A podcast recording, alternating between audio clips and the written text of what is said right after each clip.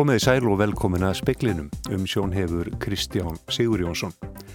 Meiri veikinda var vart hjá starfsfólki í slökkulís höfuborgarsvæðisins en reikna var með eftir setni bóluefnis sprautuna.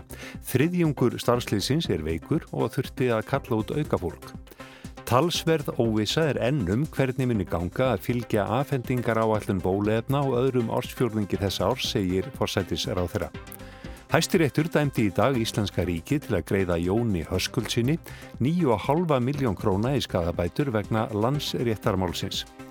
Sveitastjórn Þingegar sveitar hefur samþygt að vísa til lúm að deilisskipulagi einbúa virkjunar í skjálfandafljóti til endur skoðunar aðalskipulag sem nú stendur yfir. Skísla landbúnaðarháskólans um fæðu öryggi hér á landi verður til umfjöllunar hjá þjóðaröryggisráði. Innlend matalaframleysla stendur í gróðum dráttum vel að víi en en mjög háð innfluttu jarðelsneiti. Og Reykjavík borg ætlar að styðja við þá sem eru aðtunlausir í borginni meðal annars með því að bjóða 200 ný störf.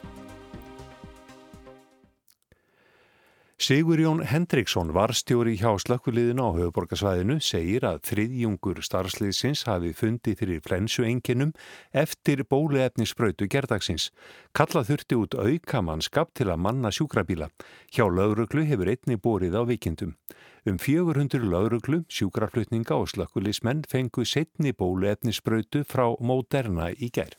Þetta eru mest svona mennilega bara flensuenginni spinnverkir í hiti, menn hafa verið að fá smá hita með þessu. Það hefur ekki verið svona alvarlegt en, en svona leggst aðeins mismund á menn. Já, ég hugsa sko að það sé alveg friðjungur af mannskapnum okkar sem hefur fundið fyrir svona enginu sem hafa valdið um svona ótægindum og sem við finna bara mjög lítið en, en svona þeir sem verða veikir og, og, og eru heima eða kannski ekki á róli, já, ég hugsa að það getur kannski verið friðjungur allavega. Og hafið þá þurft að gripa til einhverju ráðstafana á vaktinni? Já, við hefum þá þurft að ringa út svona auka mannskap til að manna þessar helstu stöður hjá okkur og hafa alla sjúkrabíla manna og við verðum að færa til svona innan vaktarinnar líka sem við hefum reynd að forðast það sem það verið COVID en það var ekki komist hjá því í dag. Er gáðulegt að spröyta svona mikilvæga starfsmenn alla í einu þegar það er viðbúið að koma einhver svona enginni fram? Já, það, það er svona jáspurning sko. Þeir vissum svo sem alveg að byggast við að það kemi einhver við svona enginni fram og þetta var aðeins á þessu lítilega síðast en hérna vissum við kannski aðeins meira núna en kannski, kannski svolítið meira en við reknaðum með en það er spilnum gott að hann hefði náttúrulega tískiptað þessu en, en þetta verðist nú ganga hrætti yfir. Sagði Sigur Jón Hendriksson varstjóri hjá slökkuliðin og höfuborgarsvæðinu. Hólmfríður Dagný Fríðjónsdóttir talaði við hann. Katrín Jakobsdóttir, forsættisar á þeirra, segir enn töluverða óvissu um hvernig muni ganga að fylgja afhendingar á allin bóluefna á öðrum ársfjörðingi þessa árs. Það sé hins vegar raunhæft að reikna með því að afhending bóluefna muni aukast verulega á öðrum ársfjörðingi frá þeim fyrsta.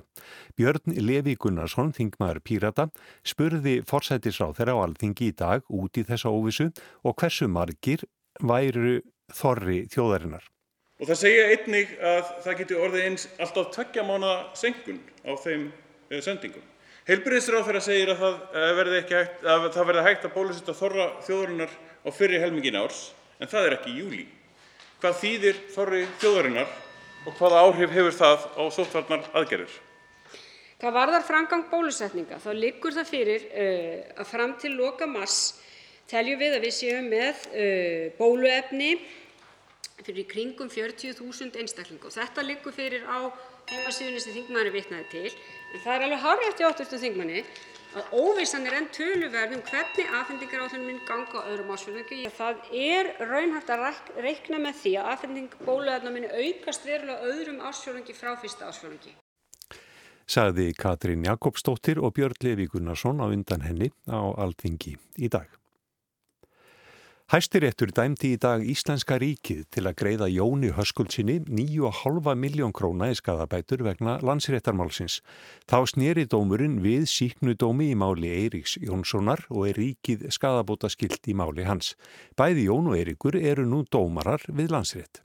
Jón og Eiríkur voru meðal 15 hæfustu umsækjanda um ennbætti dómara við landsréttaðmati dómnemdar þegar skipa átti fyrstu dómarana við þetta nýja millidómstig. Sigriður á Andesen, þáverandi dómsmálaráðara, gekk fram hjá þeim og skipaði aðra umsækjendur í dómaraennbætti. Jón og Eiríkur höfðuðu báðir mál gegn ríkinu og hérastómur Reykjavíkur dæmdi þeim í vil. Jóni voru dæmdar 4 miljónir í miskabætur og 1,1 miljón í skadabætur en engar upphæði Ákvæðir voru undir í máli Eiríks sem krafði staðins staðfestingar á bótaskildu Íslenska ríkisins. Í mars á síðasta ári lækkaði landsettur bæturnar til Jóns og komst að þeirri niðurstöðu að ríkið væri ekki bótaskild í máli Eiríks. Bæði Jón og Eiríkur fengu áfríjónarleifi hjá hæstarétti. Eiríkur benti á í beðinni sinni að hann hefði orðið miðpunktur í miklum og langvarandi deilum á ofnberum vettvangi. Jón taldi tjónsitt vera 23 miljónir og í dag gengur dómar í hæstarétti þar sem skada og miskabætur til Jóns fóru hækkaður í 9,5 miljónir króna og ríkið talið bótaskildi í máli Eiríks. Dómurinn segir þeim hafa tekist að sína fram á að ef dómsmálaráþara hefði metið umsók þeirra á forsvaranlegan hátt og borið þá saman við aðra umsækjendur, hefðu það leitt til þess að þeir hefðu verið skipaðir dómarar í umrætt sinn. Freyri Gíja Gunnarsson saði frá og Lúðvík Örn Steinarsson, lögmaður Jóns Haskulssonar, segist sáttur við niðurstöðuna. Hún komi ekki óvart meða við það sem undan er gengið í landsréttarmálunu og sé nýjungi í dómafrangvend.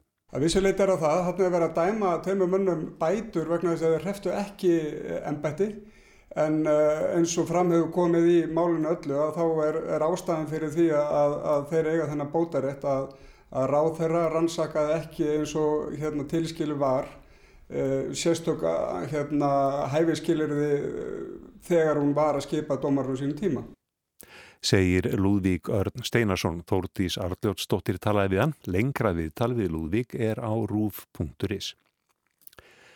Hátt í einna hverjum þremur bandaríkjamönnum ætlar einn dreið eða líklega að afþakka bólusetningu gegn koronavirinni. Þetta kemur fram í nýri skoðanakönnun AP fréttastofunar. Þeir sem engum eru á móti bólusetningu eru fólk á aldrinum 30 til 44 ára, kjósendur republikanaflokksins og fólk sem ekki hefur lokið háskólanámi. Flestir bera því við að þeir óttist aukaverkanir. Stór hópur segist ætla að býða og sjá hvernig þeim vegnar sem láta bólusetja sig. 67% aðspurðura ætla öruglega eða líklega að láta bólusetja sig eða hafa þegar verið bólusettir. Einungis 57% þeld ökra bandaríkjamanna ætla að þykja hana. Antoni Fauci, forstjóri ofnæmis og smittsjúkdómastofnunar bandaríkjana hefur spáð því að til þess að hjarð ónæmi náist gegn koronavirunni þurfi nýju af hverjum tíu landsmönnum að láta bólusetja sig. Rúmlega 33 miljónir íbúa bandaríkjana hafa þegar verið bólusettar við verunni, einu sinni að minnsta kosti. Könnun AP fréttastofunar var gerð dagana 28. janúar til 1. februar. Litað var á lits 1055 landsmanna. Skekkjumörkin eru 3,8%. Ásker Tómasson sæði frá. Sveitarstjórn Þingeyjarsveitar samþykti í dag að vísa tillögum að deiliskipulagi einbúavirkjunar í skjálfandafljóti til endurskoðunar aðalskipulags sem nú stendur yfir. Ottviti Þingeyjarsveitar segir sveitarstjórn vilja gefa málinu meiri tíma og dýfka umræðuna. Skiptarskoðanir eru um hvort heimilegi virkjun í skjálfandafljóti. Fljótið á upptöksin í vonarskarði millir vatnajökuls og tungnafellsjökuls og fellur til sjávar í skjálfanda. Áformað er að setja upp 9,8 megavatta reynslisvirkjun á um 2,6 km kabla. Sveitastjórn Þingiðasveitar samþykti í dag að vísa tilugunum sem hafa verið í kynningarferli til endurskoðunar aðalskipulag sem nú stendur yfir. Arnór Benonísson, Ottviti, segir að haldnir verði kynningarfundir þegar aðstæður í faraldrinum leifi. Þar verði framtíð fljótsins rætt heilstætt. Ekki bara þessar tilugur heldur fjalla um málumni skjálfandafljóts frá upptökun til ósa. Reyna að fá fólk upp úr skotgrónum og ræða málið og reynskilnislega. En eh, í þessum kynningaferli sem liðið er, þá hefum við fengið fjölmarkar aðtóðasendir eh, með og móti og við viljum bara gefa þessu meiri tíma, taka dýpri umræð og fara betur yfir máli og vonandi komast að betri niðurstöðu fyrir vikið. Segir Arnór Berunísson, dagni Hulda Erlendstóttir rætti við hann. 30 ár er í dag síðan Íslendingar, fyrstir þjóða, viðurkendu sjálfstæði Litáins. Litáin var fyrsta þjóðin innan Sovjetríkjana sálu til að lýsa yfir sjálfstæði í mars 1990. 11. februar 1991 samþykti Alþingi Íslendinga að viðurkenna sjálfstæðið. Utanríkisáþara Litáins, Gabrielus Landsbergis, sendi Íslandingum kveðju í tileitin dagsins. Hann þakkar þáverandi stjórnvöldum frumkvæðið og segir litlar þjóðir geta haft mikil áhrif. Thank you Iceland for breaking the ice 30 years ago. We cherish our friendly relations and look forward to meeting in person again. Until then, we say, takk Ísland. Sagði Gabrielus Landsbergis.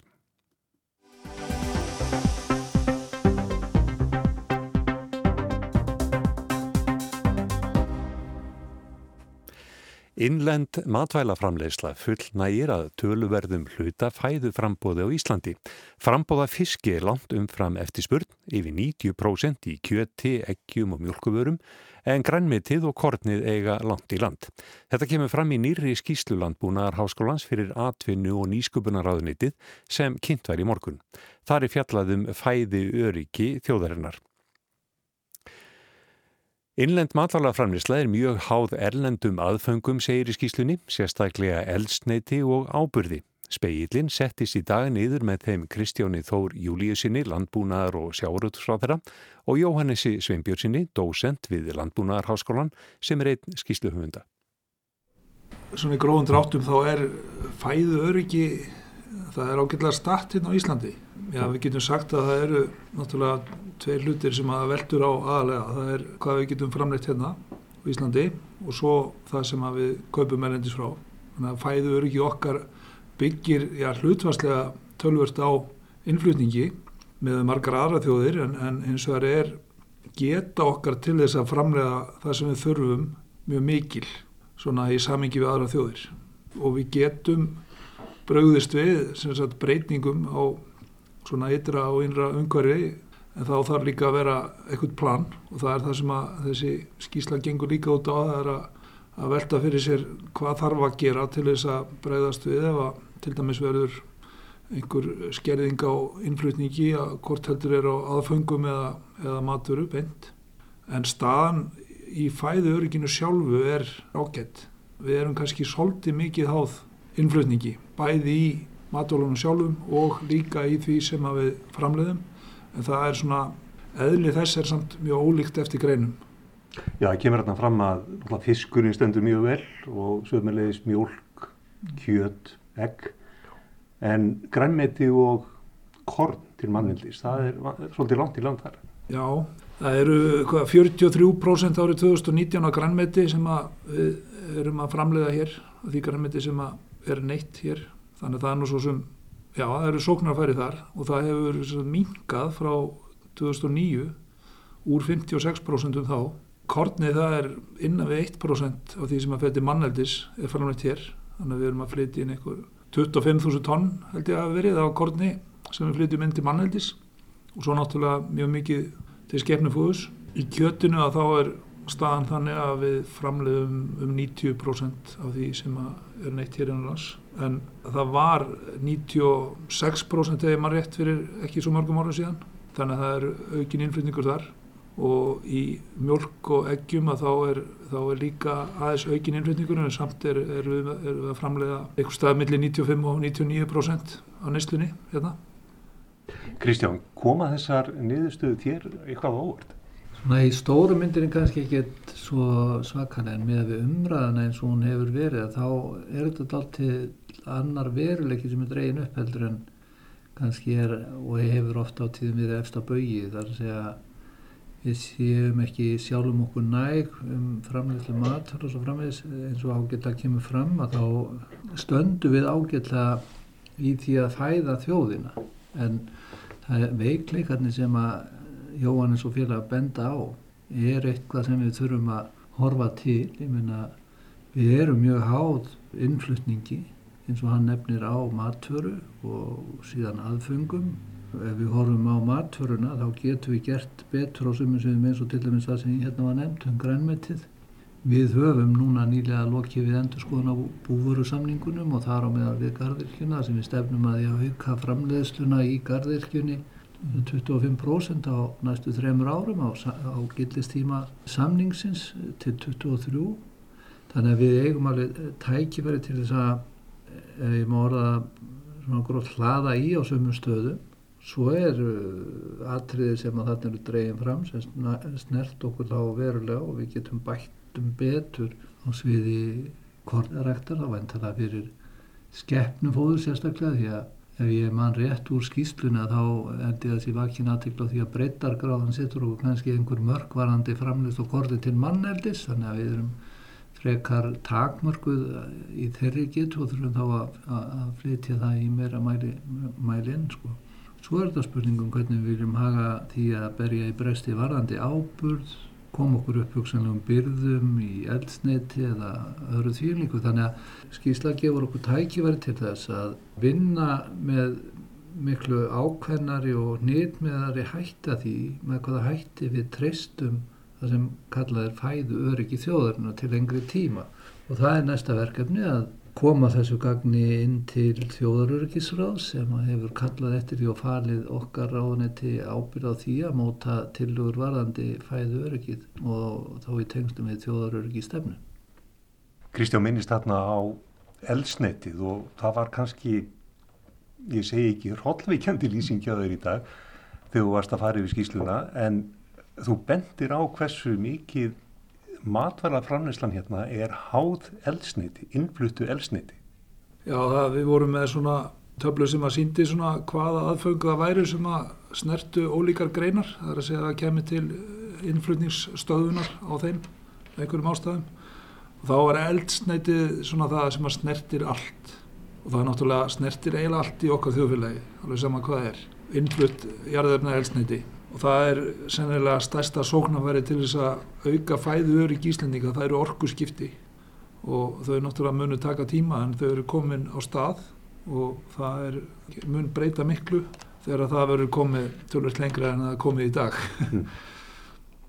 En elsneitið sjálft, ef eitthvað gerist út í heimi þannig að það stöðvast þennilega fyrir hlutning á elsneitið til Íslands gefur þessi skýsla ekki tilhættin til þess að já, huga einhverjum rástöðum í þeimend? Jú, það er það sem að þjóðarörgisráði þarf að ræða. Ég menna þetta er alltaf möguleiki að það geti orðið einhver áfæll út í henni stóru veröld sem að leiði til þess að við getum upp þess vegna byrðir af þessari mikilvægu vöru, innfluttu vöru fyrir þjóðarbóskapin og uh, þá er það atrið sem að þjóðarörgisráði verður að ræða hvort og í hver miklu mæli við erum þá að hafa og halda byrðir í formi elstendisins en eins og Jóhannes er að benda á orguskiptin eru gríðarlega tækifæri þessu þó þau komi kannski ekki strax í stað jarðefna elstendisins og þá er þessi breyting hafinn Hvað með metan? Ég hef ekki fræðilega tekkingu til að svara því hversu mikla möguleika við eigum til þess að það geti leist af í einhverju miklu mæli. Ég veit ekki hvort að þú þekkir það Jónas en menna, við erum með metanstöður fyrir bílaflótan. Við höfum líka dæmum það að repjólja hefur verið nýtt á landbúnaðatæki og við eigum dæmi af því til dæmis að Ímsar ólíur, þeim hefur verið sapnað og gerða tilraunir með slíka brennslum borðið í skipum þannig að menn eru að þreyfa sig áfram á ymsum sviðum. Já, já, það er, heldur yngir sérfræðingur í metanmálum en ég veit þó að það verið, voru gerða rannsóknir meðal annars á vegu Lambúna Háskólans fyrir nokkru, nokkru löngu síðan og, og líka er nútímanum það sem þetta hefur verið skoðað og hérna, til dæmis metanframleysla á, á búhónum sko eins og á kúabúum eða, eða úr búfjára bara almennt að til þess að hún borgi sig þá þarf þetta að vera svolítið stóra reyningar eitt svona venjulegt kúabú er of lítið reyning allan að með þá tækni sem, sem var þegar þetta var skoðað en, en svo breytistu þetta tæknin Kristján, nú hefur svo lengi sem enn muna verið deilt um innflutning á, á matvælum Þetta er uh, pólitík sem er búin að grassera mjög lengi. Mm -hmm. Hvert á jafnvægið að vera milli innlendrar framleiðslu hvernig á að styrkja einlenda framleyslu og hversu mikið á að gefa innflutning á maturinn frjálsa. Tekur skýslan á þessu? Nei, hún er ekki með einar tilugur eða hún, hún greinir bara og drefur fram staðreindir og eins og Jóhannes nefndi hérna áðan þá er innflutt matvæli sem við erum með að helda neslunni í, í kjöti og grænmeti og mjölk það eru 90% af fæðu þörfin okkar á hverju ári.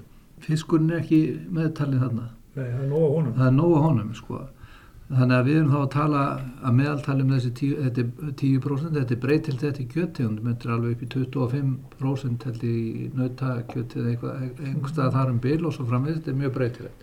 Þetta er og verður alltaf eilíðar þrætveifli. Ég hef bara hort til þessa tækifæri íslenskrar framleiðslu til þess að keppa við innflutt matvæli.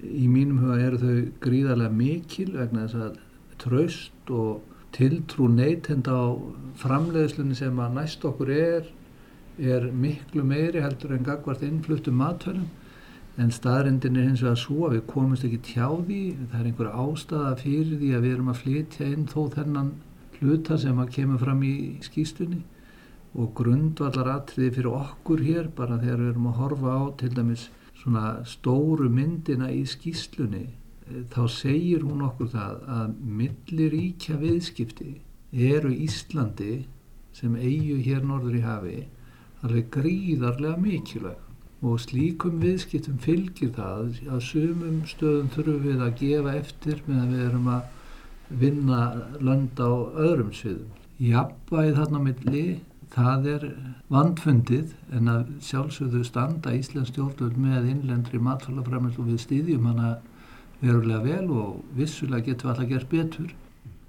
Það lóka mjög orðins. Hvað viltu að stjórnvöld geri við þína skýslu? Já, skýsluna okkar, við vorum mörg þarna sem stóðum að henni.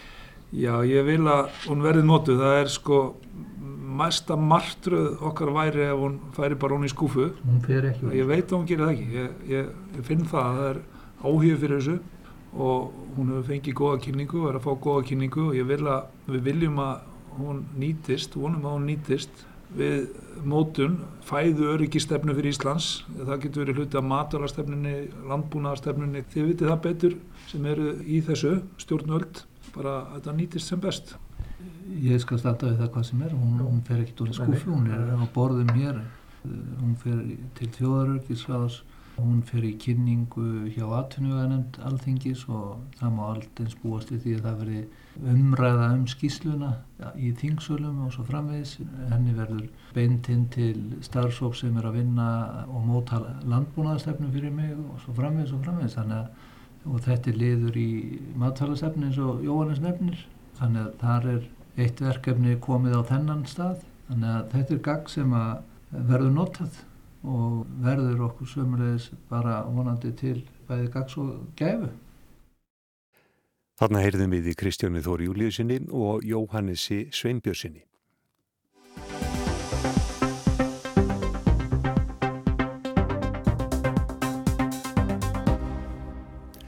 Reykjavíkur borg hefur ákveðið að hrinda af stað vinnumarkaðs aðgerðum sem eiga meðal annars að skapa 200 störf fyrir þá sem eru atvinnuleysir eða fá fjárhags aðstóð frá borginni. Verkefnið verður unnið í samfunni við vinnumálastofnun. Rösklega 40% landsmanna sem eru atvinnuleysir búa í höfuborginni í januar voru 8606 reykvíkingar á atvinnuleysinskrá sem þýðra almennt atvinnuleysi í borginni er yfir 11 af 100. Miða við janúari fyrra hefur fjöldi atvinnuleysra rómlega tvöfaldast. Þórdís er Lóa Þóraldstóttir í formaðar borgaráðs segir að staðan sé graf alvarleg. Og þegar við erum að horfa á svo stóru tölur þá sjáum við líka að við erum að sjá meira atvinnuleysi í fjölda einstaklinga núna heldin í hrununu. Og við munum eitthvað hvað, hvað okkur fannst þá og það er ekki síðan mikið vægt núna að bregðast við. Þórtís Lóa segir að margir hafi verið atvinnuleysir í langan tíma. Vinnumarkas aðgerðirnar miðist við að styðja við þessa einstaklinga. Við erum að fara að bjóða upp á tímabundin störf hjá Reykjavíkuborg en ekki bara það, við erum líka að fara að bjóða upp á stuðning, eh, við erum að fara að greina með þessum einstaklingum eh, hvað fræðslu þurfa þau, eh, hvað vilja þau því að það sem við lærum svo stert í hruninu var það að ef að við missum fólk í langtíma atvinnleysi og óvirkni, tímum eins og núna þegar við vitum að það er ekki atvinna Þannig að það þýðir ekkert fyrir okkur sem erum í vinnu að segja, ert ekki duglega eða duglegur að sækja um. Það er ekkert þarna úti að hafa. Og það kallar á óvirkni. Og það hefur svo gríðarleg langtíma bæð félagsfræðileg en líka hagfræðileg áhrif á samfélagið. Og það er þess vegna sem okkur finnst þetta svona mikilvægt að bregðast í strax og borgin fer í þetta núna með 200 störf og ég veit að það er ekki mikið en það skiptir máli. Þegar kemur að því að útvega störf fyrir þá sem er atvinnlausir er gert ráð fyrir að 150 störf verði bóði og 50 störf fyrir þá sem eiga ekki rétt á atvinnlausisbótum og fá fjárasastóð frá borginni til framfæsluum. Verkefnið er unnið í samstarfi við vinnumálastofnunum þeir sem er á bótum að fá áframbætur og borgin greiðir þar sem upp á vantar til að greitt séu launsangvand kjærasamningum. Þórti segir að þetta sé nákvæmlega sama mótilið og eftir hunið. Og núna skiptir máli að koma þess að stað eh, og við vitum ekki, við vorum alltaf kannski í svolítið bjartsinskasti núna fyrir þessari viku þegar við heldum að við ættum möguleika á að vera hér eitthvað lítil rannsóknarþjóð en við vitum það að það er ekki og við erum bara á venjulegu plani núna með það að bólusita þjóðina. Og þá þurfum við að vera raunsæð með það að hvenar í rauninni vinnumarkarinn og atvinnulífi tekur við sér aftur. Og það geta liðið margi mánir og við megum ekki við því að býða mikið meir. Þess vegna förum við á stað núna, við erum ákveðin að taka til skrefum, við býðum líka til fleirum, ég meina hvað ætlar uh, annursveitafélög að gera, hvað ætlar þriðíkeirin að gera, hvað ætlar ríkið að gera, hvað ætlar atvinnulífið að gera við vitum hvað við ætlum að gera og við vitum hvað vinumálastofnun getur gert. En hvaða störf er þetta? Er þetta atvinnubóta að vinna sem við erum að bjóða upp á? Þetta eru allskinn störf sem við finnum bara innan borgarkerfisins að þarf að hérna, gera. Mér finnst ekki gaman þegar við segjum atvinnubóta að vinna. Þetta eru bara vennileg störfið þjónustu reikvikinga. Þetta geta verið störfið leikskóla, við hjúgrun, við heimaþjónustu, við þrýfaborginni. Ef það er sumar þá er það svona klassík sumarstörf þetta geta verið allskins störf sem snúa allskins skjálamálum. Við erum þá líka bara að taka upp okkar kistum svona mál sem við hefðum kannski beði með en, en skellum kannski í svona eh, fram, áframgýrin ímislessin snýra skjálamálum. Við erum að fara að snjallvæða mikið hjá okkur. Eh, það er fullt af fólki að núti með gríðala mikla reynslu og þekkingu á mjög fjölbreyttum sviðum og við bara í myndum okkur við viljum nýta okkur það. Það er ávallega að þeim sem fá fjárhagsástof frá borginu og ekki rétt á bótum fjörgjum 35% milli ára og verður ösklega 1800 á þessu ári. Tveira hverjum þremur eru einstaklingar sem nýtt af að fullu atvinninsisbætur. Þórti Slóa segir að þetta sé hópur sem þurfi sérstakann stöðning. Og við viljum gjarnan styðja hann vel. Partur af þessum aðgjörum okkar er líka ráða inn sérfræðinga til að halda utanum það því að þetta þó að 200 manns hljóm ekki mikið þá er það samt sem aðeins mikið að þú ætlar að, að, að, skoða einstaklingin hvern og einn því að það, við erum ekki að fara inn eina pakka aðgerð. Hér þurfum við að skoða hvað þurfa þessir einstaklingar því að markmið er alltaf að hópurinn og einstaklingurinn geti farið aftur út af vinnumarkaðin, tekið þátt í atvinnulífinu og verið fullgildur meðlumur í því samfélagi. Atvinnleysi er meira meðal hverna en karla í borginni. Það er líka mismunandi eftir aldursópunum. Mest er það meðal þeirra sem eru 30 til 39 ára eða yfir 15 á hundraði. Meðal fólks sem er með pólst ríkisfang mælis atvinnleysi yfir 31%. Það var reyndar fyrir COVID komið yfir 12% í byrjun síðasta ás. Átækja á að standi yfir þetta ár og næsta ár. Þá að verja 460 miljónum króna í þessar vinnumarkars aðgerið borgarinnar ráðu verður í nýju stöðugildi til að sinna vinnumiðlun og stöðnis aðgerðum.